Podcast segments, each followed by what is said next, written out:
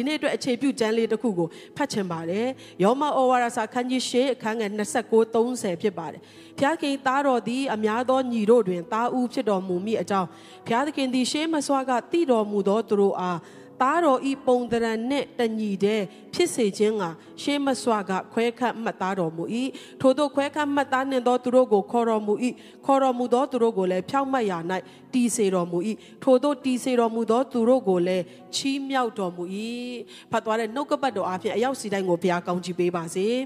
ယနေ့ကျွန်တော်တို့ခရိယန်တွေရဲ့တဲချေကြိုက်ပေါ့နော်ကျွန်တော်တို့ကိုဝမ်းမြောက်စေတဲ့အရာက များသောအားဖြင့်နမိတ်လက္ခဏာဖြစ်တယ်အာဟိုနေရာမှာဘာဖြစ်တယ်ဒီနေရာမှာနော်ထူးခြားတဲ့အရာတွေဖြစ်တယ်ဒီနေရာမှာအာအမျိုးမျိုးသောနမိတ်လက္ခဏာတွေမြင်ရပြီဆိုရင်လူတွေကတိတ်ပျော်ကြတယ်နော်တခါတည်းဝုန်းတိုင်းတိုင်းနဲ့နော်အကြီးကြီးဖြစ်ပြီးထူးဆန်းတဲ့အရာဖြစ်ပြီးဆိုအဲ့ဒီနေရာမှာလူတွေကတိတ်ပြီးတော့ပျော်မွေ့ကြတယ်ရှာဖွေကြတယ်ဒါပေမဲ့ဒီတပတ်တာကျွန်မနှုတ်ကပတ်တော်ပြင်ဆင်ရင်းနဲ့စင်ချင်နှလုံးသွင်းတဲ့အခါမှာဖခင်က နမိတ်လက္ခဏာလှုပ်ဖို့သူ့အတွက်တိတ်လွယ်တယ်နော်တေသောသူကိုလည်းရှင်စေနိုင်တယ်ရေကိုလည်းစပြည့်ဖြစ်စေနိုင်တယ်မိုးမရွာဖို့လည်းသူတတ်နိုင်တယ်မိုးရွာဖို့လည်းတတ်နိုင်တယ်နော်လက်ချေတေသောသူကိုလည်းလမ်းလျှောက်စေနိုင်တယ်မျက်စိကန်းသောသူကိုလည်းမြင်စေနိုင်တယ်နမိတ်လက္ခဏာလှုပ်တာတဘာဝလွန်ဖြစ်ပျက်တွေကိုဖြစ်စေတာဘုရားအတွက်လုံးဝမခက်ဘူးဒါပေမဲ့သူ့အတွက်အရေးကြီးဆုံးသောအရာကအဲ့ဒါမဟုတ်ဘူးဆိုတာယနေ့ကျမတို့နားလည်စေချင်တယ် အဲ့လိုပြောလို့နမိတ်လက္ခဏာတွေအရေးမကြီးဘူးနော်တဘာဝလုံးဖြစ်ပျက်တယ်မလိုဘူးလို့ပြောတာမဟုတ်ဘဲနဲ့အဲ့ဒါထက်ပိုပြီးတော့အရေးကြီးတဲ့အရာကိုကျမတို့မလွတ်သွားဖို့ရန်အတွက်တိတ်ပြီးတော့အရေးကြီးတယ်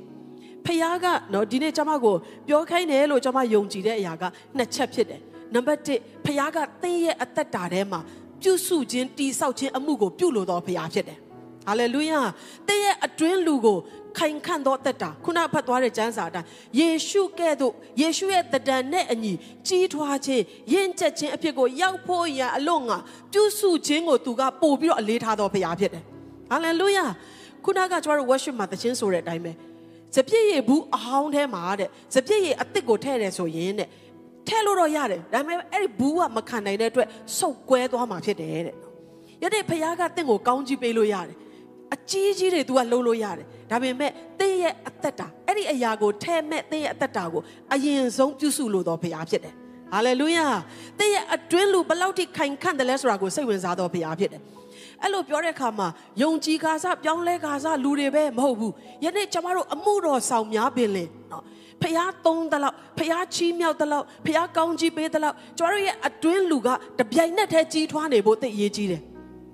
တစ်ဖက်ကနေပြန်ပြောမယ်ဆိုရင် အပြင်မှာဘာတွေဖြစ်နေတယ်လဲနော်ဥပမာကျွန်မဆူတောင်းပေးလိုက်တဲ့လူတွေအနာရောဂါပျောက်ကြတယ်ကျွန်မဆူတောင်းပေးလိုက်တဲ့ကလေးမရနိုင်တဲ့သူတွေရသွားတယ်ကျွန်မဆူတောင်းပေးလိုက်တဲ့တစ်ခါမှဆိုရင်စင်ကာပူမှာနော်အမျိုးသမီးတယောက်ရင်သားမှာအကျိတ်ရှိတယ်ဆူတောင်းပေးဖို့ခေါ်တဲ့ခါမှာ तू ထွက်လာတယ်ကျွန်မဆူတောင်းပေးတယ်ဆူတောင်းစင်မှာပင်လေအဲ့ဒီအကျိတ်ကလုံးဝပျောက်သွားတယ် तू တက်သေးခံတယ်နော်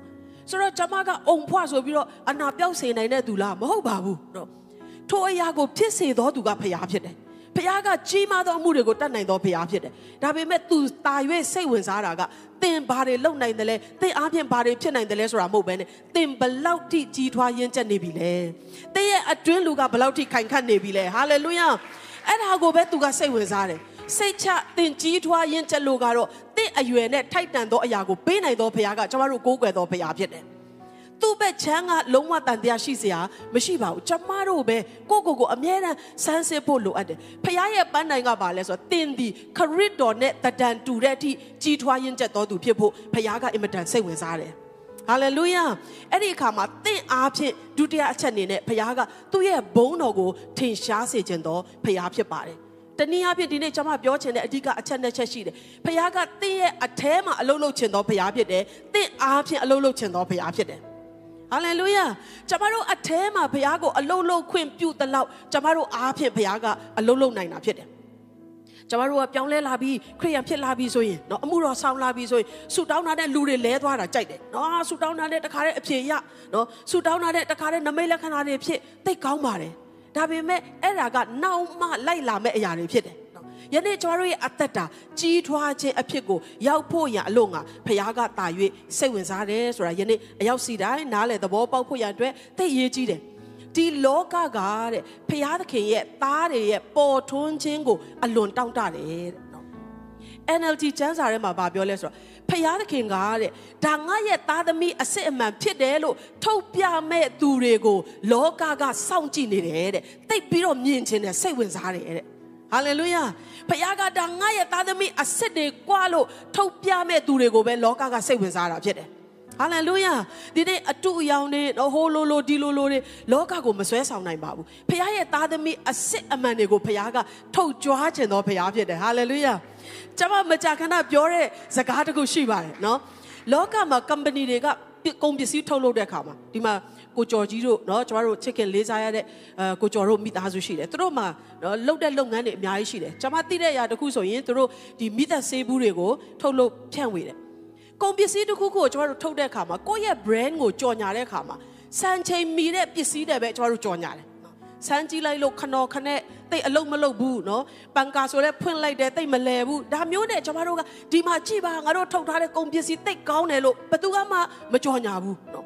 ဘာနဲ့ကြော်ညာလဲဆိုတော့သူတို့ရဲ့ထုတ်လုပ်သမျှထဲမှာအင်မတန်စံချိန်မီတဲ့စံပြဖြစ်တဲ့ပစ္စည်းကိုပဲသူတို့ကထုတ်ပြတာဖြစ်တယ်ဒီနေ့ဖခင်ကသူ့ရဲ့ showroom မှာဒါကငါသားသမီးအစ်စ်ဖြစ်တယ်ဟာလေလုယာဒါကစံချိန်မီစံပြခရိယန်ဖြစ်တယ်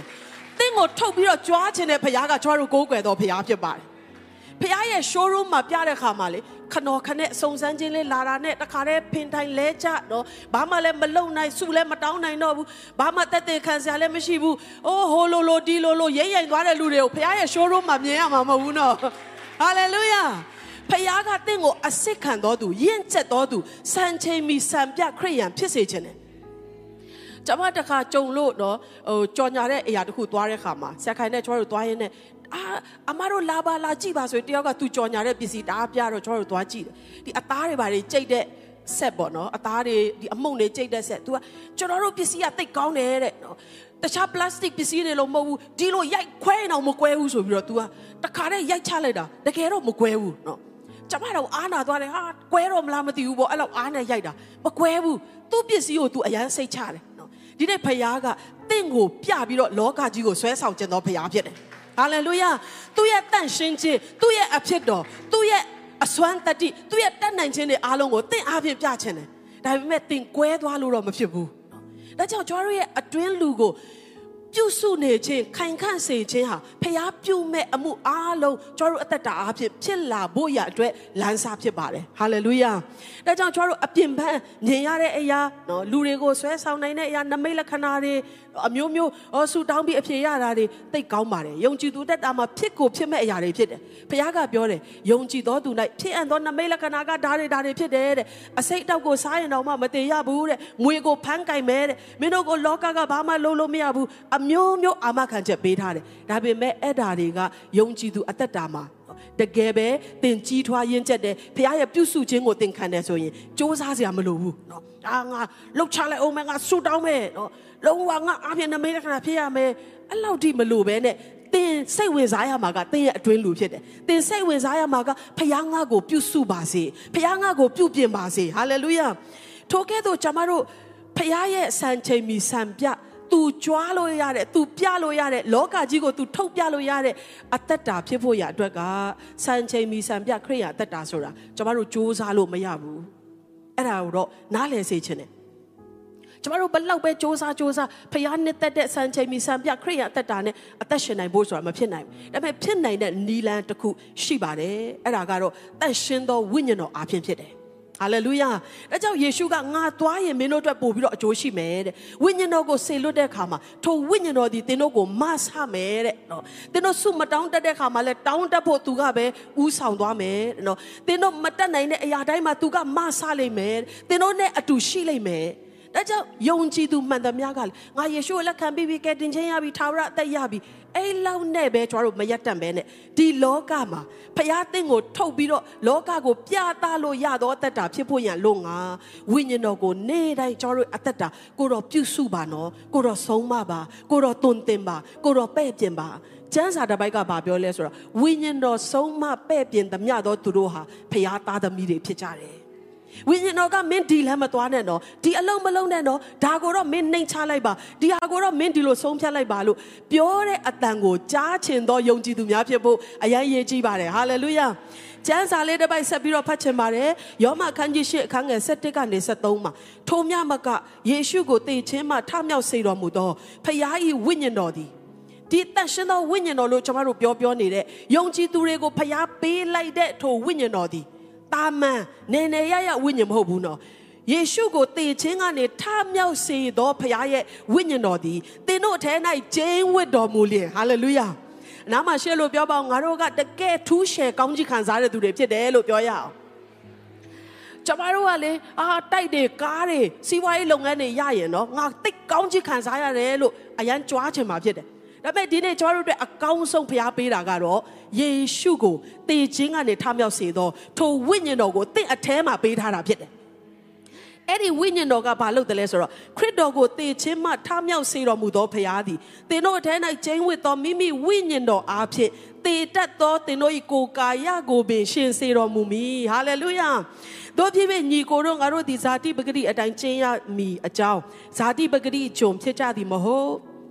သင်တို့ဒီဇာတိပဂတိအတိုင်းအသက်ရှင်လျင်တည်ရကြမည်တဲ့ဝိညာဉ်တော်အားဖြင့်ကိုယ်ကာယ၏အကျင့်တို့ကိုတည်စေလျင်အသက်ရှင်ကြလိမ့်မည်လောကမှာကျွန်တော်တို့လူဖြစ်နဲ့မွေးဖွားလာတဲ့အခါမှာဇာတိဆိုတဲ့ဒီအသွေးသားအာယုံ၅ပါးလိုချင်တတ်မဲ့မှုเนาะခံစားချက်ဒီဇာတိနဲ့ဖခင်ရဲ့ပဂတိဖြစ်တဲ့အแทကိုရောက်လာတဲ့ထိုဝိညာဉ်ပဂတိနဲ့ကအမြဲတမ်းလွန်ဆွဲနေတာဖြစ်တယ် ယုံကြည်သူဖြစ်ပြီးပြောင်းလဲပြီဆိုတာနဲ့အာအပြစ်တွေမလုပ်တတ်တော့ဘူးနော်မကောင်းတဲ့အရာတွေမကြိုက်တော့ဘူးအာအယံကိုစိတ်ရှည်သီးခံနော်တအားတော်တဲ့လူတယောက်အလိုလိုနဲ့ပလွတ်ဆိုဖြစ်သွားတာမဟုတ်ဘူး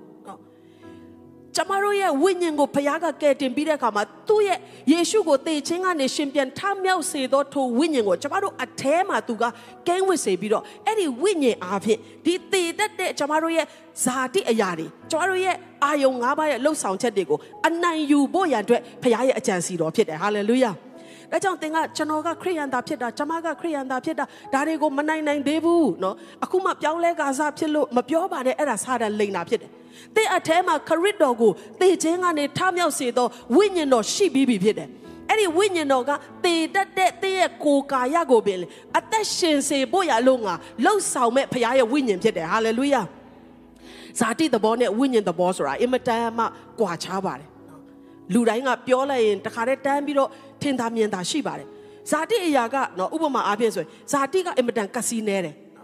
ပေးပါဆိုရင်မပေးရဘူးကုံသွားလိမ့်မယ်ကုံသွားလိမ့်မယ်ဖခင်ရဲ့သဘောဝိညာဉ်သဘောကတော့စိုက်ပြောပါပေးကမ်းပါဆင်းရဲတဲ့သူတွေကိုပေးရင်တဲ့ငါ့ကိုချီးတာဖြစ်တယ်တဲ့ငါပြန်ဆက်မယ်တဲ့နော်ဆယ်ဖို့တော့ပေးပါတဲ့ကောင်းကင်ပရင်ဘတ်ကိုဖွင့်ပြီးငါအကုန်လုံးပေးမယ်တဲ့အကုန်စင်သွန်းလောင်းမယ်သူရဲ့တပါးဒီတော့တားတော့နေတကွခတ်သိမ်းသောအရာကိုပေးသောသဘောကဖခင်ရဲ့သဘောဝိညာဉ်သဘောဖြစ်တယ် ဟာလေလုယာဇာတိရဲ့သဘောကတော့မပေးနဲ့ကုံလိုက်မယ်ကုံလိုက်မယ်ဒီလောက်ခက်ခဲတာနဲ့ပေးနေကုံပါပေါ့နော်ကတ်စီးနေခြင်းကဇာတိသဘောဖြစ်တယ်ပြီးရင်ကျွန်တော်ရဲ့ဇာတိကလေခွင့်မလွတ်ချင်ဘူးနော်ဘာကြောင့်ငါခွင့်လွတ်ရမှာလဲခွင့်လွတ်လိုက်ရင်ငါသူ့ထက်နှိမ်ချသွားလိမ့်မယ်နော်ငါကသူ့အောက်ကိုဝင်တယ်လို့ဖြစ်လိမ့်မယ်လုံးဝခွင့်မလွတ်နိုင်ဘူးလင်မယားချင်းတောင်ဇာတိဝင်လာရင်ခွင့်မလွတ်ချင်ဘူးနော်သူပဲခွင့်လွတ်ပါစေငါလုံးဝခွင့်မလွတ်ဘူးနော်ဖခင်ကတော့ကျွန်တော်တို့ရဲ့အပြစ်အားလုံးကိုခွင့်လွတ်တော်ဖခင်ဖြစ်တယ် ဒါကြောင့်ဝိညာဉ်သဘောနဲ့ဇာတိသဘောဟာကျွန်တော်တို့အသက်တာမှာအမြဲတမ်းလွန်ဆွဲနေတာဖြစ်တယ်ဒါယုံကြည်ကာစခရိယန်တွေပဲမဟုတ်ဘူးနော်ကျမတို့အမှုတော်ဆောင်များအာယုံကြည်ခြင်းမှာအသင်းတော်မှာဂျိုးကပ်နေတဲ့အဖွဲ့တွေလည်းနေ့တိုင်းဒီပြုတ်ပြင်ခြင်းဝိညာဉ်တော်ရဲ့ပြုတ်ပြင်ခြင်းကိုလိုအပ်တာဖြစ်တယ်ဟာလေလုယာတစ်ဖက်ကခွင့်မလွတ်နဲ့တစ်ဖက်ကခွင့်လွတ်ပါတစ်ဖက်ကမပေးနဲ့တစ်ဖက်ကပေးပါနော်ရှင်ပြိုင်လာတဲ့ခါတိုင်းမှာဝိညာဉ်တော်ဖျားကိုရောရဲ့သဘောနဲ့အသက်ရှင်နိုင်ဖို့ကျွန်တော်ကိုပြုတ်ပြင်ပါကျမကိုပြုတ်ပြင်ပါနော် မထင်နဲ့နော်တချို့မှုတော်ဆောင်နေအသင်းသားတွေကိုချီးနှောင်းနော်ဒီအသင်းသားတွေနော်အကြီးကျယ်ဒေါသထွက်ပြီးတော့ခွင့်မလွတ်နိုင်တဲ့အမှုတော်ဆောင်များပင်လေရှိတယ်ကျွန်တော်တို့အမှုတော်ဆောင်တွေလည်းအရန်တော်ပြီးအရန်ကောင်းတဲ့လူတွေမဟုတ်ဘူးဝိညာဉ်တော်ရဲ့မဆာခြင်းယုံကြည်သူတိုင်းကလိုအပ်တယ်အဲ့ဒီမဆာခြင်းဒီအပြင်ပန်းမဟုတ်ဘူးဒီအတွင်းထဲမှာလိုအပ်တာဖြစ်တယ်ဇာတိကတော့မာနကြီးတယ်ကျွန်တော်တို့ချင်းစရာတယောက်ကအာဟာတာပြောဘူးတယ် လူကလေးတွေရံဖြစ်ကြတယ်တဲ့ဗမာစကားလည်းမတတ်တော့နောက်ဆုံးဘာမှပြောစရာမသိတော့မင်းဘာကောင်းလဲငါဘာကောင်းလဲလို့ပြောတယ်တဲ့လုံးဝတယောက်အောက်တယောက်မကြချင်ဘူးနော်ဗမာစကားတက်တလောက်လေးနဲ့ပြန်ပြောတာမင်းဘာကောင်လဲငါဘာကောင်လဲတဲ့မင်းကိုနင်းဘာထင်နေလဲပေါ့ငါ့ကိုများဘသူထင်နေလဲပြောချင်တာနော်လူရဲ့ဇာတိလူရဲ့သဘောကလေမာနကြီးတယ်နော်သူတစ်ပါးကိုကိုယ့်ထက်နှိမ်ချဖို့ဖိနှိပ်ဖို့နော်သူကမားတာငါကမှန်တယ် နော်သူကညံ့တာငါကတော်တယ်ဒါကဇာတိရဲ့အရာတွေဖြစ်တယ်ဖခင်ရဲ့အရာဖခင်ရဲ့သဘောကကြတော့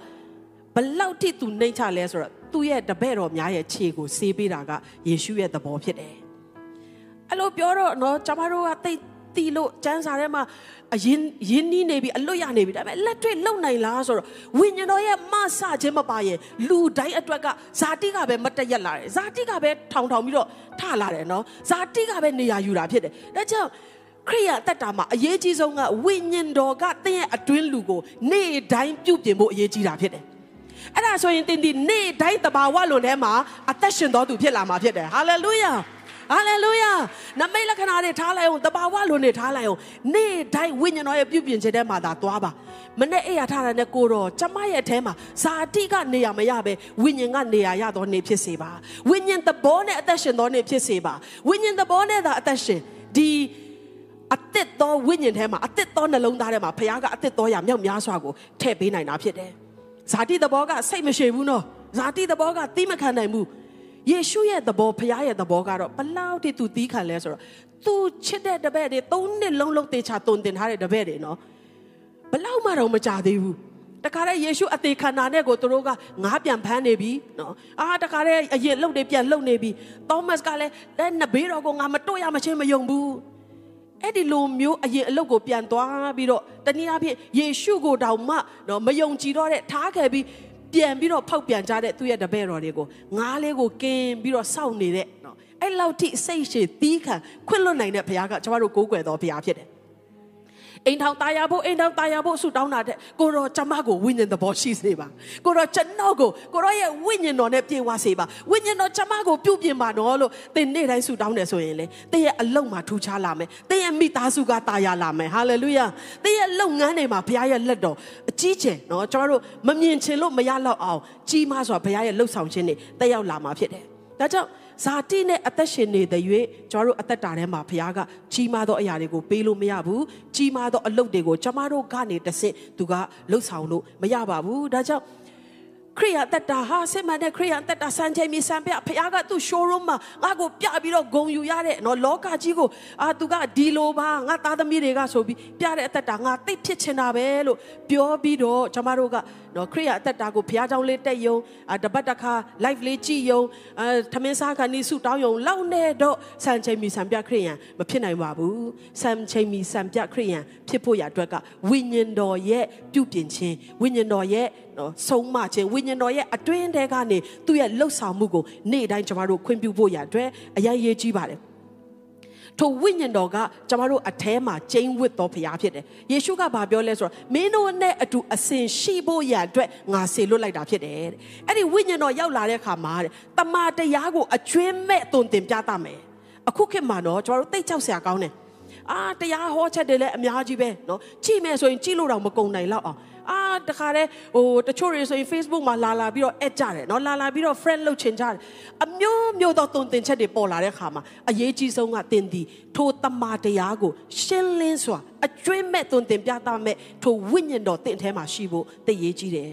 ဝိညာဉ်တော်မရှိရင်ဝိညာဉ်တော်ကျွန်တော်တို့အแทမှာနေ့စဉ်အလုံးမလုံးစေဘူးဆိုရင်ဒီလောကကြီးကတိတ်ကြောက်စရာကောင်းတယ်လမ်းလွဲဖို့เนาะမာယွင်းသောအရာတွေအဲမှာကျွန်တော်တို့ကျင်လည်ဖို့ရအတွက်တိတ်ပြီးတော့လွယ်ကူတာဖြစ်တယ်ဒါကြောင့်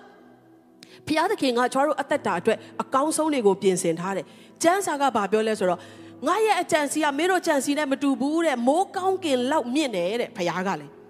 အဲ့ဒါကကြားကောင်းအောင်ပြောတာမဟုတ်ဘဲနဲ့အမှန်တကယ်ဖြစ်တယ်နော်ဆိုတော့ကျွန်တော်တို့အခုလောလောဆယ်ရှိနေတဲ့နေရာကဖခင်ကျွန်တော်တို့ကိုပို့ခြင်းတဲ့အဆုံးလုံးဝမဟုတ်သေးဘူးဆိုတာကိုနားလည်ရတယ်ဟာလေလုယာဖခင်ကတင့်ကိုတာ၍ချီးမြှောက်ခြင်းတယ်တာ၍ကောင်းချီးပေးခြင်းတယ်ဖခင်ဖြစ်တယ် လောကမှာเนาะကျွန်တော်တို့မွေးထားတဲ့သားသမီးတွေတောင်သူများနဲ့ဒန်းတူမထားခြင်းဘူးသူများတဲ့ตาလို့ရတဲ့လောက်ကျွန်တော်တို့ตาအောင်ထားခြင်းတယ်ဆိုရင်အလုံချုံနိုင်ဆုံးထားခြင်းတယ်အလှပဆုံးဆင်ရင်ခြင်းတယ်ဆိုရင်ဒီနေ့ဖခင်ကတင့်ကိုသူ့ရဲ့အကောင်းဆုံးနေနဲ့ချီးမြှောက်ခြင်းတော်ဖခင်ဖြစ်တယ်ဟာလေလုယာ ဒါပေမဲ့ခက်တာကကျမတို့ရဲ့အတွေးခေါ်ကျမတို့ရဲ့ဇာတိလူကအဲ့ဒီຢာတွေကိုနားမလည်နိုင်ဘူး ဖခင်တင့်ကိုဘလောက်ချစ်တယ်ဘလောက်ကောင်းကြီးပေးချင်တယ်သူ့ရဲ့အကြံစီကဘလောက်ထိကြီးမားလဲဆိုတာကိုတင့်ရဲ့ဒီဇာတိထဲမှာတင်အသက်ရှင်နေတဲ့၍နားမလည်နိုင်ပါဘူးကျမ်းစာတစ်ချက်ကဘာပြောလဲဆိုတော့တစ်ကောခန်းကြီးနှစ်အခန်းငယ်6:30မှာကျမ်းစာလာသည်နှင့်အညီဘုရားခင်ကိုချစ်တော်သူတို့ဖို့လို့ငါဘုရားခင်ပြင်ဆင်တော်မူသောအရာတို့ကိုလူမျက်စိဖြင့်မမြင်နားဖြင့်မကြားစိတ်နှလုံးဖြင့်မကြံစီသေးတဲ့နော်တင်စင်းစားတဲ့လောက်ပဲရောက်မယ်ဆိုရင်တော့တိတ်ဝမ်းနေစရာကောင်းတယ်နော် ကျမတို့စဉ်းစားနိုင်တာကအတိုင်းတာအင်မတန်နဲတယ်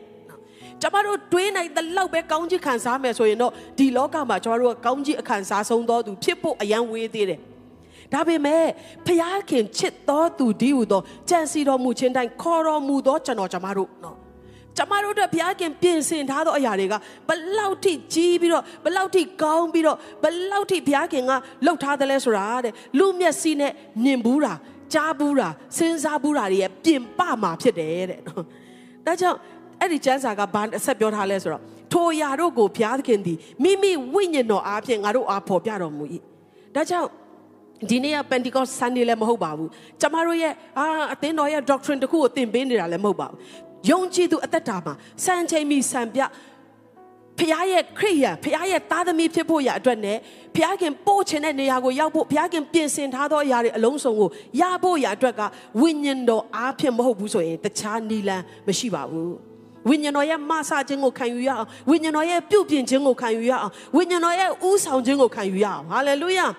ထိုအရာတွေကိုတဲ့ထိုနဲ့နဲသောအရာတွေကိုဖခင်ကသူ့ရဲ့ဝိညာဉ်တော်အားဖြင့်ငါတို့ကိုပေါ်ပြတယ်တဲ့နော် ဒါကြောင့်ဝိညာဉ်တော်ကလေသင်ဝိညာဉ်သဘောရှိလာတဲ့အခါမှာဝိညာဉ်သဘောနဲ့အသက်ရှင်လာတဲ့အခါမှာသင်ရဲ့အတွင်းလူကိုဖခင်ကစကားပြောလာမှာဖြစ်တယ်ဝိညာဉ်တော်ကအဲ့ဒီပြောလာတဲ့အရာကိုသင်ကဖမ်းဆုပ်လျက်ယုံကြည်ခြင်းနဲ့စုပ်ကင်ပြီးတော့ထိုအရာကိုသင်ရဲ့အသက်တာထဲမှာသင်ရဲ့ဝိညာဉ်ထဲကိုရောက်တဲ့အထိအမြင့်တွယ်စေတဲ့အခါမှာယုံကြည်ခြင်းနဲ့ဖမ်းဆုပ်လိုက်တဲ့အခါမှာထိုနဲ့နဲသောအရာထိုဖခင်ရဲ့အကြံစီတွေကအံ့ဩပွေရာသင်ရဲ့အသက်တာမှာစတင်ပြီးတော့အလုံးလုံးလာမှာဖြစ်တယ်ကျွန်မဘာကိုကြည့်ပြီးတော့ခွန်အားယူလဲဆိုတော့ ဥပမာမာရိနော်ကောင်းကင်ထဲမှာရောက်လာပြီးတော့မင်းကတားယောက်ျားကိုမွေးမယ်တဲ့နော်နာမင်းကိုလူတွေကိုအပြစ်ကကယ်ချွတ်မဲ့သူဖြစ်တဲ့အတွက်ယေရှုလို့မဲ့ရမယ်တဲ့မာရိကဘာပြောလဲကျမကအပြိုကညာဖြစ်တယ်တဲ့ယောက်ျားနဲ့တခါမှမဆက်ဆံဘူးဘူးဒီအမှုဟာဘလို့ဖြစ်နိုင်မလဲခါမကောင်းကင်ထဲမှာရှင်းပြတယ်ဝိညာဉ်တော်ရောက်လာမယ်တဲ့ရောက်လာတဲ့ခါမှာဒီအမှုရာဖြစ်နိုင်မယ်နောက်ကာလမှာမင်းကိုမင်္ဂလာရှိတော်သူလို့ခေါ်မယ်ဝိညာဉ်တော်ကကောင်းကင်ထဲမှာကရှင်းပြတဲ့ခါမှာ မာရိကဘာပြောလဲကျမကကိုရောရဲ့ဂျုံမဖြစ်ပါတယ်တဲ့ကိုရောအလိုတော်တိုင်းဖြစ်ပါစေဇာတိအနေနဲ့စဉ်းစားရင်တော့လုံးဝမဖြစ်နိုင်ဘူးဖြစ်နိုင်ချေတုံညဒါပေမဲ့ तू ယုံကြည်ခြင်းနဲ့ဖះပြောတယ်ဆိုရင်ကျမမှာတက်ရောက်ပါစေကျမတက်တာမှာပြည့်စုံပါစေလို့ तू ကမဖြစ်နိုင်ဘူးမဖြစ်နိုင်ဘူးဆိုတော့သူ့ရဲ့တိထားတဲ့အရာလက်ခံထားတဲ့အရာတွေကိုဖယ်ပြီးသူ့ရဲ့နှလုံးသားကိုအသစ်ပြုတ်ပြင်လက်ထိုဖះရဲ့စကားကိုဖမ်းဆုပ်လိုက်တဲ့ခဏမှာ လောကမှာတခါမှမဖြစ်ဘူးတဲ့အကြီးမဆုံးသောနမိတ်လက္ခဏာသူ့ရဲ့အသက်တာမှာပြည့်စုံလာတာဖြစ်တယ်ဟာလေလုယာဒါကြောင့်တဘာဝလွန်ထဲ၌နေ့စဉ်ရှောက်လန်းတော်လမှာဖျားပြုတ်မဲ့အမှုတွေကိုတင်းရဲ့စိတ်နှလုံးကဇာတိထဲမှာရှိတယ်ဆိုရင်လက်ခံနိုင်မှာမဟုတ်ဘူးကိုတော့ဒါတော့မဖြစ်နိုင်ဘူးထင်တယ်ကိုတော့ဒါကအရန်ကြီးလွန်းတယ်ကိုတော့ဒါတော့ကျမတို့မိသားစုနဲ့အဆင်မပြေတော့ဘူးဒါပေမဲ့တင်းရဲ့အတွင်းလူကပြုတ်ပြင်ထားသောသဘောဝိညာဉ်သဘောရှိနေတယ်ဆိုရင်ဟာကိုတော့ပြောတယ်ဆိုရင်နော် ကျမရဲ့တက်တာမှာပြည့်စုံပါစေယုံကြည်ခြင်းနဲ့ဖန်ဆုပ်လိုက်တဲ့ခဏမှာသင်ဟာနေ့စဉ်တဘာဝလွန်ထဲမှာရှောက်လန်းရမှာဖြစ်တယ်ဟာလေလုယာဒါကြောင့်တဘာဝလွန်ထဲမှာမလျှောက်လန်းစေတဲ့စီးတားတဲ့အရာကကျမတို့အသစ်မပြုတ်ပြင်ထားတဲ့တနည်းအားဖြင့်ဖျားနဲ့သဘောမတူနိုင်တဲ့သင်ရဲ့နှလုံးသားဖြစ်တယ်ယနေ့နားလည်စေခြင်းနဲ့ ဖျားစကားရောက်လာတဲ့ခါမှာဖျားရဲ့စကားကတဘာဝလွန်ဖြစ်တယ်ဖျားရဲ့စကားကမမြင်ရသေးသောအရာကိုဖော်ဆောင်မဲ့စကားဖြစ်တယ်အဲ့ဒီအရာနဲ့ကျမတို့ရဲ့ဇာတိကသဘောတူနိုင်ဖို့ဆိုတာဘယ်တော့မှမဖြစ်နိုင်ဘူး ဒါပေမဲ့ဝိညာဉ်တော်ရဲ့မဆခြင်းပြုပြင်ခြင်းကိုတစ်ချိန်လုံးခံထားတဲ့အသစ်ပြုပြင်ပြောင်းလဲထားသောစိတ်နှလုံးဖြစ်တယ်ဆိုရင်တော့အဲ့ဒီစိတ်နှလုံးဒီဖះပြောသောစကားနဲ့တခါတည်းသဘောတူနိုင်တယ်အဲ့ဒီသဘောတူခြင်းမှာကြီးမားသောအရာတွေကပေါက်ဖွာလာတာဖြစ်တယ်ကြီးမားသောနမိတ်လက္ခဏာတွေကထင်ရှားလာတာဖြစ်တယ်ဟာလေလုယာဟာလေလုယာရှမာရိမြို့ကိုရန်သူတွေကဝိုင်းထားတယ် ဖြက်လေးဖြက်နဲ့ဖြတ်ထားတယ်စားစရာဘာမှမရှိတော့ဘူးနောက်ဆုံးသားသမီးတွေကိုပြုတ်ပြီးတော့စားရတယ်နှစ်သားကိုအရင်ပြုတ်ရအောင်ဒီနေ့မနေ့ပြန်ကြရင်ငါသားကိုပြုတ်မယ်နော်သူသားလဲကြတော့ तू မပေးချင်တော့နောက်ဆုံးမှဘယင်ကြီးကိုယ်တိုင်ကပြားတွေကိုလူးပြီးတော့ဂုံဒီအိတ်ကိုဝစ်ပြီးတော့ငိုကြွေးရတယ်ဆူတောင်းရတယ်ဒါနဲ့ဖခင်ကစကားပြောလာတယ်မနေ့ပြန်ဒီလိုချိန်မှာမြင်းကောင်းတစ်လုံးဒီနေ့80ကမနေ့ပြန်မှာတစ်ချက်ဖြစ်မယ်နော်အဲ့ဒီမှာရှင်ဘရင်ရဲ့မိချင်းကိုခံရတော့ပုံကိုကမယုံနိုင်ဘူးအာလုံးဝမဖြစ်နိုင်ဘူး ဒီနေ့ကျွန်တော်တို့နော်ဖះเจ้าထဲမှာသာလက်ခုပ်လက်ဝါးတီးပြီးအာမင်ထူးဖို့လွယ်တာလက်တွေ့အသက်တာမှာဖះစကားပြောလာရင်လေကျွန်တော်ရဲ့ဇာတိရဲ့တုံ့ပြန်မှုကချက်ချင်း no နော်မဖြစ်နိုင်ဘူးလက်မခံနိုင်ဘူးတော့ဒါကကြောက်စရာကောင်းတယ်တော့မဟုတ်ဒါကစင်ချေပေးမယ်ဆိုရင်လုံးဝနော်ရာခိုင်တို့အင်မတန်နဲတယ်ရာခိုင်တို့မရှိဘူးဆိုပြီးတော့ပြန်ဖြေတာကကျွန်တော်ရဲ့ဇာတိဖြစ်တယ်သူတို့ကိုအပြစ်ပြောလို့မရဘူး ဆိုတော့အမကြီးကလုံးဝမဖြစ်နိုင်ဘူးတဲ့နော်ဖခင်ကကောင်းကင်ကြီးကိုဖွင့်လိုက်ပြီးတော့သွန်းချလိုက်တယ်ဆိုရင်တော့ဖြစ်ကောင်းဖြစ်နိုင်လိမ့်မယ်ဖခင်ရဲ့လူကဘာပြောလဲမနဲ့ပြန်မှာဖခင်ပြောတဲ့စကားကတော့ပြည့်စုံကိုပြည့်စုံလိမ့်မယ်ဒါပေမဲ့သင်ကတော့မြင်မဲမြင်ရမယ်မစားရဘူးလူတိုင်းကမဖြစ်နိုင်ဘူးလို့ပြောတဲ့အခြေအနေမှာဖခင်အသုံးပြုသွားတာကနူနာတဲ့၄ယောက်ရဲ့ခြေတံဖြစ်တယ်ကျွန်တော်တို့ဖခင်ကအကုန်လုံးလုံနိုင်တော့ဖခင်ဖြစ်တယ်ဟာလေလုယာဟာလေလုယာ तू မတတ်နိုင်တာတခုမှမရှိဘူး ဒါပေမဲ့ကျွန်တော်တို့အဲ့ဒီနမိတ်လက္ခဏာကိုရရှိတော်သူမြင်မဲမြင်ပြီးမစားရတော်သူမဟုတ်ဘဲနဲ့လက်တွေ့ထိုအရာ၌မွေ့လျော်တော်သူဖြစ်ဖို့ရအတွက်ကအသစ်ပြုတ်ပြင်ထားသောနှလုံးသားရှိရမယ်ကိုတော့ကျွန်တော်ဇာတိကျွန်တော်အတွေးခေါ်ကျွန်တော်အတွေ့အကြုံကျွန်တော်ရဲ့ experience ကျွန်တော်ရဲ့ background ကပြောနေတာကတော့မဖြစ်နိုင်ဘူးမဖြစ်နိုင်ဘူးမဖြစ်နိုင်ဘူးကျွန်တော်ကျောင်းမှာသင်ထားတယ်အဲ့ဒါတွေမဖြစ်နိုင်ဘူးကျွန်တော်အတွေ့အကြုံမှာဒါမျိုးမဖြစ်ဘူးဘူးကိုတော့ဒါပေမဲ့ကိုတော့ပြောတယ်ဆိုရင် ယောမခန်းကြီးစနစ်အငယ်နဲ့မှာစိတ်နှလုံးကိုအသစ်ပြင်ဆင်ပြီးပုံသဏ္ဍာန်ပြောင်းလဲခြင်းရှိရမယ်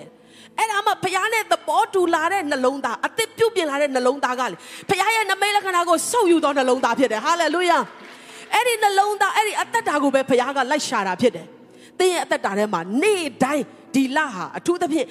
နေ့တိုင်းတဘာဝလုံးထဲမှာရှောက်လန်းရမယ့်နေ့ဖြစ်ပါတယ်ဟာလေလုယာရှောက်လန်းရမယ့်လဖြစ်ပါတယ်ဒါကြောင့်ကိုယ့်ဘက်ကလှုပ်ရှားတစ်ခုပဲရှိတယ်ကိုတော့နမိတ်လက္ခဏာလုံတော့ကိုတော့ထူးဆန်းတဲ့ဟာတွေလုံတော့လို့မတောင်းပါနဲ့ကိုတော့ ကိုတော့ပြောတဲ့စကားတိုင်းနဲ့သဘောတူနိုင်ဖို့ကျမရဲ့နှလုံးသားကိုအသစ်ပြုပြင်ထားပါကျွန်တော်ရဲ့အတွင်းလူကိုကိုတော့ပြုပြင်ထားပါဆုံးမစရာရှိလဲကိုတော့ဆုံးမပါဝိညာဉ်တော်ဆုံးမမှကျွန်တော်နားလည်မှာဖြစ်တယ်ဟာလေလုယာ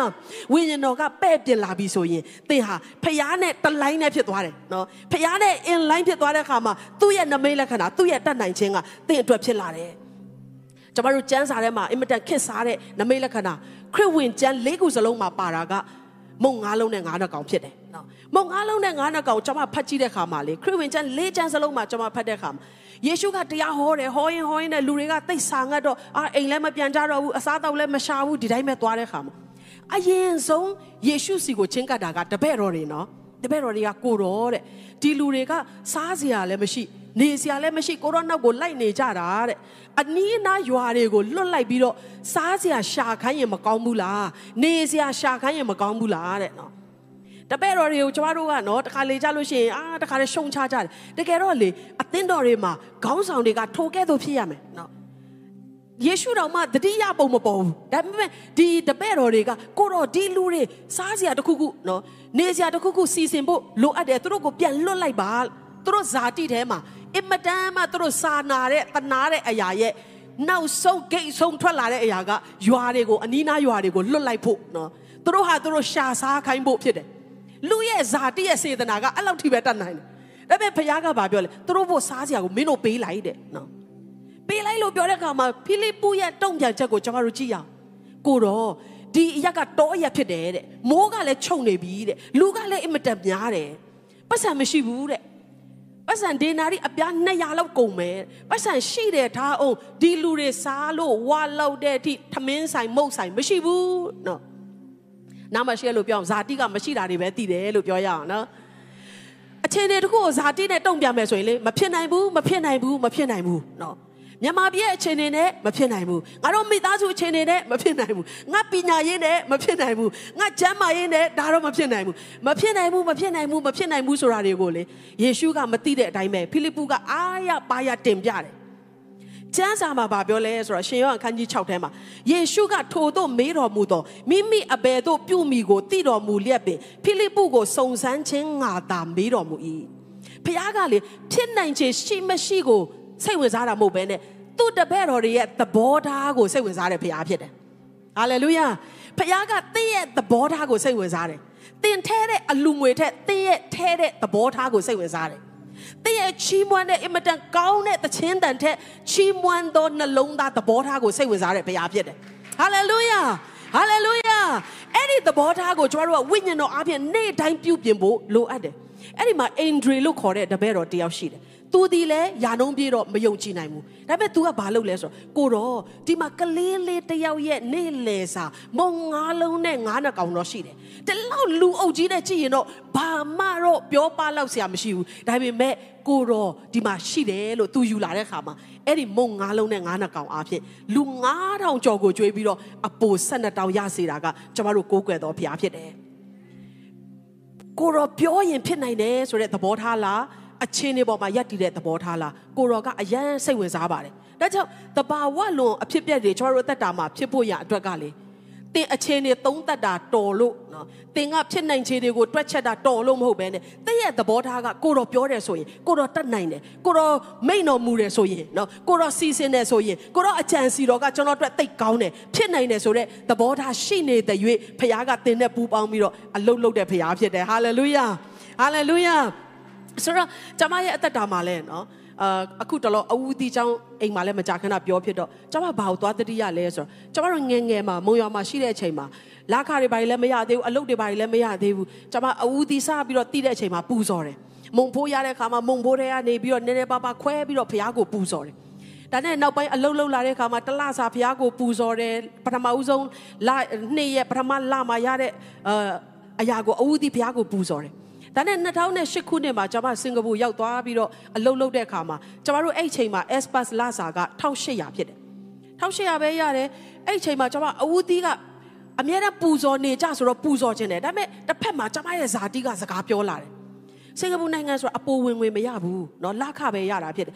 ချီးငားမယ်ဆိုရင်လည်းအတိမိတ်ဆွေမရှိဘူးဆွေမျိုးသားချင်းလည်းပေါ်ပေါ်များများမရှိဘူးเนาะအိမ်လားကအနည်းဆုံးပေးရမယ် MRT ကရှိဖို့လိုတယ်စားစရိတ်ရှိဖို့လိုတယ် ဘယ်လိုလှုပ်ပြီးတော့ကိုရော့ကိုအဝတ်ဒီပူဇော်နိုင်မှာလဲမဖြစ်နိုင်တော့ဘူးဆိုတော့ဇာတိကစပြီးတော့ကျမရဲ့သဘောထားကစပြောင်းလာတယ်ဒါနဲ့ကျမပေးခြင်းနဲ့တော့အကုန်လုံးလည်းမပေးနိုင်တော့ဘူးအာအဝူတီးကဘယ်လိုလုပ်မလဲဆိုတဲ့အချိန်မှာဖခင်ကတရက်မှာကျမကိုစကားပြောလာတယ်ငါကမြန်မာပြည်မှာပဲဖခင်မဟုတ်ဘူးနော်စင်ကာပူနိုင်ငံမှာလည်းဖခင်ဖြစ်တယ်ဟာလေလုယာအဲ့ဒီစကားတခုကကျမရဲ့အတွေးခေါ်အားလုံးကိုပြောင်းလဲသွားတယ် ကျမတို့အကန့်တတ်နဲ့တော့ဟာကိုတော့ဒါသူများနိုင်ငံကြီးလေအဆွေမျိုးသားချင်းလည်းမရှိဘူးဒုက္ခရောက်ရင်ဘသူကအိမ်မှာအလကားလာနေပါလို့ဘသူမှမပြောဘူးနော်ကိုတော့ MRT အလကားစီးလို့မရဘူးတော့ကျမဘက်ကနေမဖြစ်နိုင်ဘူးမဖြစ်နိုင်ဘူးဆိုတာတင်ပြတဲ့ချိန်မှာဖခင်ကမြန်မာပြည်မှာပဲငါဖခင်ဖြစ်တာမဟုတ်ဘူးစင်ကာပူမှာလည်းငါဖခင်ဖြစ်တယ်ဟာလေလုယာအဲ့ဒါနဲ့ကျမဟုတ်ပြီကိုတော့အဦးတီကိုတော့ကိုပူဇော်မယ်လို့ကျမဆုံးဖြတ်လိုက်တဲ့ခါမှာလေတိတ်အံ့ဩစရာကောင်းတယ်ကျမမမေ့နိုင်ဘူး ဘသူမှရောတထောင်တထောင်ဆိုပြီးလာမပေးပါဘူးဒါပေမဲ့အဲ့ချိန်မှာကျမရဲ့တထေးကအရန်ယုံကြည်တဲ့သူဖြစ်တယ်နော်တကယ်ကျမကိုလည်းယုံကြည်ခြင်းကြောင့်ရွေးချယ်တော်သူဖြစ်တယ်။ तू ကကျမရှိကိုဖြတ်လာပြီးအမတ်တမဲ့နဲ့စင်ကာပူဒေါ်လာ20တန် gift voucher လေးတခုကိုကျမကိုလာပေးတယ်။ကြည့်ရင်တော့20ပဲပမာဏအင်မတန်နဲတယ်။ဒါပေမဲ့အဲ့ချိန်မှာကျမကလေခုနဝိညာဉ်ထဲမှာကြော်ဖြတ်ထားတာတွေရှိတဲ့အခါကျဟောဟုတ်ပြီ ငါကထင်ထားတာတော့စင်ကာပူနိုင်ငံမှာလာခပဲเนาะလာခအပြင်ပါမဂျားပေါက်တွေเนาะဘေးပေါက်တွေရစရာမရှိဘူးလို့ထင်ထားတာငါဖျားတတ်နိုင်တာပဲဟာလေလုယာဒီမှာတက်သေးပဲအဲ့ဒီပတ်စံကျွန်မအခုထိတင်ထားတယ်เนาะမသုံးဘူးအဲ့ဒီကစဖခင်ကကျွန်မရဲ့သဘောထားပြောင်းလဲသွားတဲ့ခါမှာစတင်ပြီးတော့အလုံးလုံးလိုက်တာเนาะကျွန်မလာခကိုတောင်မေ့လောက်တဲ့အထိဖခင်ကျွန်မကိုကောင်းချီးပေးတယ် ဟာလေလုယာစင်ကာပူနိုင်ငံမှာတခါမှမရှိဘူးတဲ့ company ရဲ့ပါစတာဖြစ်နေဖခင်ကျမကိုချီးမြှောက်ပြီးတော့လာကနှစ်ဆရတယ်ဟာလေလုယာ ကျမတို့ဟာအကောင့်တန်တွေလုတ်ပြီးတော့ခေါင်းစားပြီးတော့အာသပင်မွေးတွေထောင်လောက်တဲ့အထိလုတ်ရတဲ့လာခလောက်ကို company ရဲ့ပါစတာလုတ်ခြင်းအဖြစ်ဖခင်ကကျမကိုပေးခဲ့တယ်။အော်သဘောထားပြောင်းလိုက်တာတော့အဲ့လောက်ထိဖခင်တတ်နိုင်တာပဲအဲ့လောက်ထိဖခင်ကဝမ်းသာတာပဲဆိုတာကျမသင်ယူရခဲ့တယ်။ဟာလေလုယာ။ဒါကြောင့်ဒီနေ့ကျွန်တော်တို့ဇာတိထဲမှာအသက်ရှင်နေဆိုရင်တော့ခွင့်မလွတ်နိုင်ခြင်းနော်မပေးနိုင်ခြင်းနော်မနှိမ်ချနိုင်ခြင်း အမျိုးမျိုးသောအနုလက္ခဏာတွေကပဲနေရာယူမှာဖြစ်တယ်။ဒါပေမဲ့ဖျားကိုအလုံးလုံးခွင့်ပေးမယ်ဝိညာဉ်တော်ကိုအလုံးလုံးခွင့်ပေးမယ်ဆိုရင်တော့ဒီထဲကပြောင်းလဲသွားတဲ့ခါမှာဖျားနဲ့သဘောတူသွားပြီလေဖခင်နဲ့ကျွန်တော်တို့ရဲ့ဖြစ်တည်မှုတူသွားတဲ့ခါမှာအဲ့ဒီဝိညာဉ်သဘောရှိခြင်းကဖခင်ရဲ့နမိတ်လက္ခဏာအားလုံးကိုစုပ်ယူတာဖြစ်တယ် နောက်ဆုံးတဲ့ဒုတိယပိုင်းအနေနဲ့ကျွန်မအနှဲငယ်ပြောချင်တာကတင်းရဲ့အသက်တာထဲမှာပဲအလုံးလုံးတဲ့ဖရားမဟုတ်ပဲနဲ့ထိုကဲ့သို့တင်းရဲ့အသက်တာထဲမှာအလားပါဆုံးပြုတ်ပြင်းတိဆောက်ပြီးတဲ့ခါမှာတင်းအားဖြင့်အလုံးလုံးလို့တော့ဖရားဖြစ်တယ်ဟာလေလုယာကျွန်မဖတ်မိတဲ့နှုတ်ကပတ်တော်တစ်ချက်ကကျွန်မကိုအင်မတန်တိုးထီတယ်တခါမှပေတရုကအင်မတန်ကြောက်တတ်တော်သူဖြစ်တယ်နော်မင်းရဲ့အတန်ကနော်မင်းကိုကြည်ရတာကဂါလိလဲလူဖြစ်တဲ့ယေရှုနဲ့သွားဘူးတယ်ပြောတာတော့မဟုတ်ဘူးမဟုတ်ဘူးယေရှုကငါမသိဘူးညင်းသောပုဂ္ဂိုလ်က တရက်မှာတော့နော်တမန်တော်ဝိထုခန်းကြီးနှစ်ကိုရောက်လာတဲ့ခါမှာပင်တေကုတ်တွေပွဲနေမှာလူတွေအများကြီးကနော်ဖះကိုတည်တော်သူတွေတရားကိုစာငတ်တဲ့လူတွေကယေရုရှလင်မြို့မှာဆုယုံနေတဲ့အချိန်မှာအထက်ခန်းမှာယေရှုပြောထားတဲ့အတိုင်းစောင့်နေတော့တပည့်တော်120ပေါ်မှာဝိညာဉ်တော်သွန်းလောက်လာတဲ့အခါမှာသူတို့ခြားသောဘာစကားနဲ့ပြောပြီးတော့စပြီးတော့သူတို့တက်တေခံလာတယ်စပြီးတော့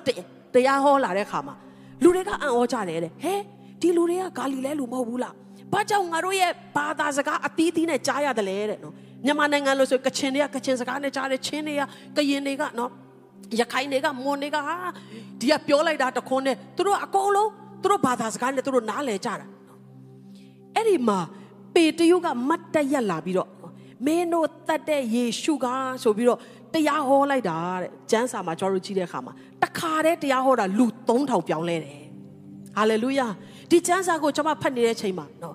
ဆရာကြီးတစ်ပါးပြောတဲ့စကားကိုကျွန်မသတိရတယ်ဆရာကြီးဘန်နီဟင်းကသူ့အားဖြင့်နမိတ်လက္ခဏာမြောက်များစွာဖြစ်တယ်သူကဒီလေဟာပြင်တရားဟောပွဲတွေနော်လူထုတရားဟောပွဲတွေလုပ်တဲ့အခါမှာ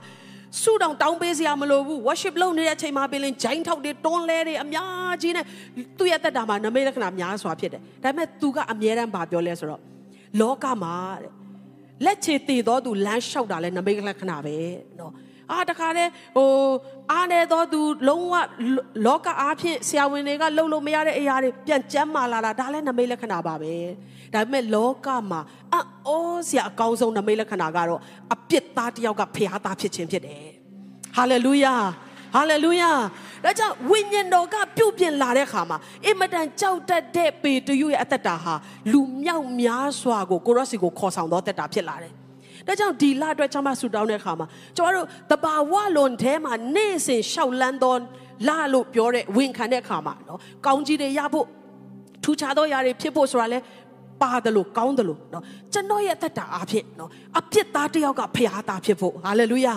ကျွန်တော်ရဲ့နေ့စဉ်အသက်ရှင်ခြင်းအားဖြင့်ဖခင်ကိုမသိတော်သူငရဲကိုသွားမဲ့သူတယောက်ကဖခင်သခင်ရဲ့အိမ်တော်ကိုပြန်သွားဖို့ကောင်းကင်နိုင်ငံရဲ့နိုင်ငံသားဖြစ်ခြင်းကိုရတော့တက်တာဖြစ်ဖို့ကိုတော့ကျွန်တော်ကိုသုံးပါကျွန်မကိုသုံးပါလို့ဆုတောင်းတယ်ဆိုရင်ဒီလမှာဟာလေလုယာအော်ဆရာကောင်းတယ်နော်ပေတရုတခါတရားဟောတာလူ3000ပြောင်းလဲတယ်ထိုတတ်နိုင်သောဘုရားကယနေ့ကျမတို့ကိုးကွယ်သောဘုရားဖြစ်တယ်။ယနေ့မှလည်းမပြောင်းလဲသောဘုရားဖြစ်တယ်။ဝိညာဉ်တော်ကပေတရုပေါ်မှာရောက်လာတာနဲ့ သူကကျမ်းစာကြောင်းတွေသွားတက်တယ်လို့လည်းမပါပါဘူး။အာသူကအစာရက်ဘယ်နဲ့ဘယ်နဲ့ဆယ်ရှောင်းတယ်ဆိုတာလည်းမပါပါဘူး။နော်အဲ့လိုပြောလို့ကျမ်းစာကြောင်းတက်ချင်းအစာရှောင်ချင်းမလိုဘူးမကောင်းဘူးလို့ပြောတာမဟုတ်ဘဲနဲ့ဝိညာဉ်တော်တဲ့ရောက်လာခြင်းဝိညာဉ်တော်ရဲ့ပြုပြင်ခြင်းကိုခံရသောသူရဲ့အသက်တာကလေဖခင်ကထုတ်ပြလိုက်ပြီဒီမှာငါရဲ့သားသမီးအစ်စ်အမှန်ကဒီလိုဖြစ်တယ်လို့ပြလိုက်တဲ့ခါမှာလူတွေကမပြောင်းလဲလို့မရတော့ဘူးကျွန်တော်တို့လည်းပြောင်းလဲပြရစီ တမန်တော်ဝိထုခန်းကြီးနှစ်အဆုံးကိုကြည့်လိုက်တဲ့ခါမှာလူ3000ပြောင်းလဲတာနဲ့ရပ်မသွားဘူးလူတွေကပြောင်းလဲပြီးတော့နေ့တိုင်းသင်းဝင်ကြတယ်နေ့တိုင်းသင်းဝင်ကြတယ်ဟာလေလုယာဝိညာဉ်တော်ဆင်းသက်လာတဲ့ခါမှာအသင်းတော်ပေါ်ပေါက်လာတယ်လူတွေပြောင်းလဲကြတယ်ထို့အသင်းတော်ထဲမှာလူတွေကနေ့တိုင်းသင်းဝင်ခြင်းရှိလာတယ်ဒါကြောင့်ကျွန်တော်တို့အသက်တာထဲမှာတဘာဝလိုအဖြစ်ပြက်တွေဖြစ်ဖို့ရန်အတွက်ကတိတ်ကြီး စူးစမ်းစရာမလိုသလိုစူးစမ်းလို့လည်းတော့မလိုဘူးဖခင်ကတတ်ဆွမ်းနိုင်တော်ဘုရားဖြစ်တယ်တခုပဲကျမတို့ရဲ့အသက်တာကိုဝိညာဉ်တော်အားဖြင့်နေ့တိုင်းပြုပြင်ခြင်းပြုစုခြင်းဆုံးမခြင်းတုန်တင်ခြင်းကိုခံမယ်ဆိုရင်ထိုတီဆောက်ပြီးတော့ပြောင်းလဲထားသော နော်ဇာတိသဘောကနေဝိညာဉ်သဘောကိုပြောင်းလဲထားသောကျမတို့ရဲ့နှလုံးသားကျမတို့ရဲ့အသစ်သောစိတ်ကျမတို့ရဲ့အတွင်းလူအားဖြင့်ဖခင်ကအပြင်မှာကြီးမားသောအရာတွေကိုလှုပ်ဆောင်မဲ့ဖခင်လှုပ်ဆောင်နိုင်တဲ့ဖခင်ဖြစ်တယ်ထိုအသက်တာအားဖြင့်ပျောက်ဆုံးသောဝိညာဉ်မြောက်များစွာကဟာလေလုယာအကြီးမားဆုံးနမိတ်လက္ခဏာဖြစ်တဲ့အပြစ်သားတွေကဖခင်သားတို့ပြောင်းလဲခြင်းကိုမြင်ရမယ့်လကဒီလဖြစ်ပါတယ်ဟာလေလုယာ သင်အသက်တာအားဖြင့်ဝိညာဉ်တော်ကထိုကဲ့သို့ကြီးမားသောအမှုကိုပြုချင်တာဖြစ်တယ်လက်ခုပ်တီးလက်နှုတ်ကပတ်တော်ကိုငါအတွက်ဖြစ်တယ်ငါမိသားစုဖြစ်တယ်လို့ အတွက်ဖြစ်တယ်လို့ခံယူကြရအောင်ဟာလေလုယာဈာနာရတဲ့နှုတ်ကပတ်တော်အားဖြင့်အရောက်စီတိုင်းပေါ်မှာဘုရားခင်ကောင်းချီးပေးပါစေဒါကြောင့်နှုတ်ကပတ်တော်မှာလာသည့်အတိုင်းထိုဘုရားပေးတဲ့တန်ရှင်သောဝိညာဉ်တော်သည်ကျမတို့အတွက်တဘာဝလွန်အရင်မြင့်ဖြစ်ပါတယ်သင်ရောက်မယ့်နေရာကိုရောက်ဖို့သင်ရမယ့်ကောင်းချီးတွေကိုရဖို့ထိုဝိညာဉ်တော်ဒီဟူသောတဘာဝလွန်အရင်မြင့်အားဖြင့်သာလျှင်ရနိုင်တယ်ဆိုတာကိုနှုတ်ကပတ်တော်အားဖြင့်အရောက်စီတိုင်းကိုဝင်ငါတိုက်တွန်းခွန်အားပေးလို့တယ်ဘုရားရှင်ကောင်းချီးပေးပါစေအာမင်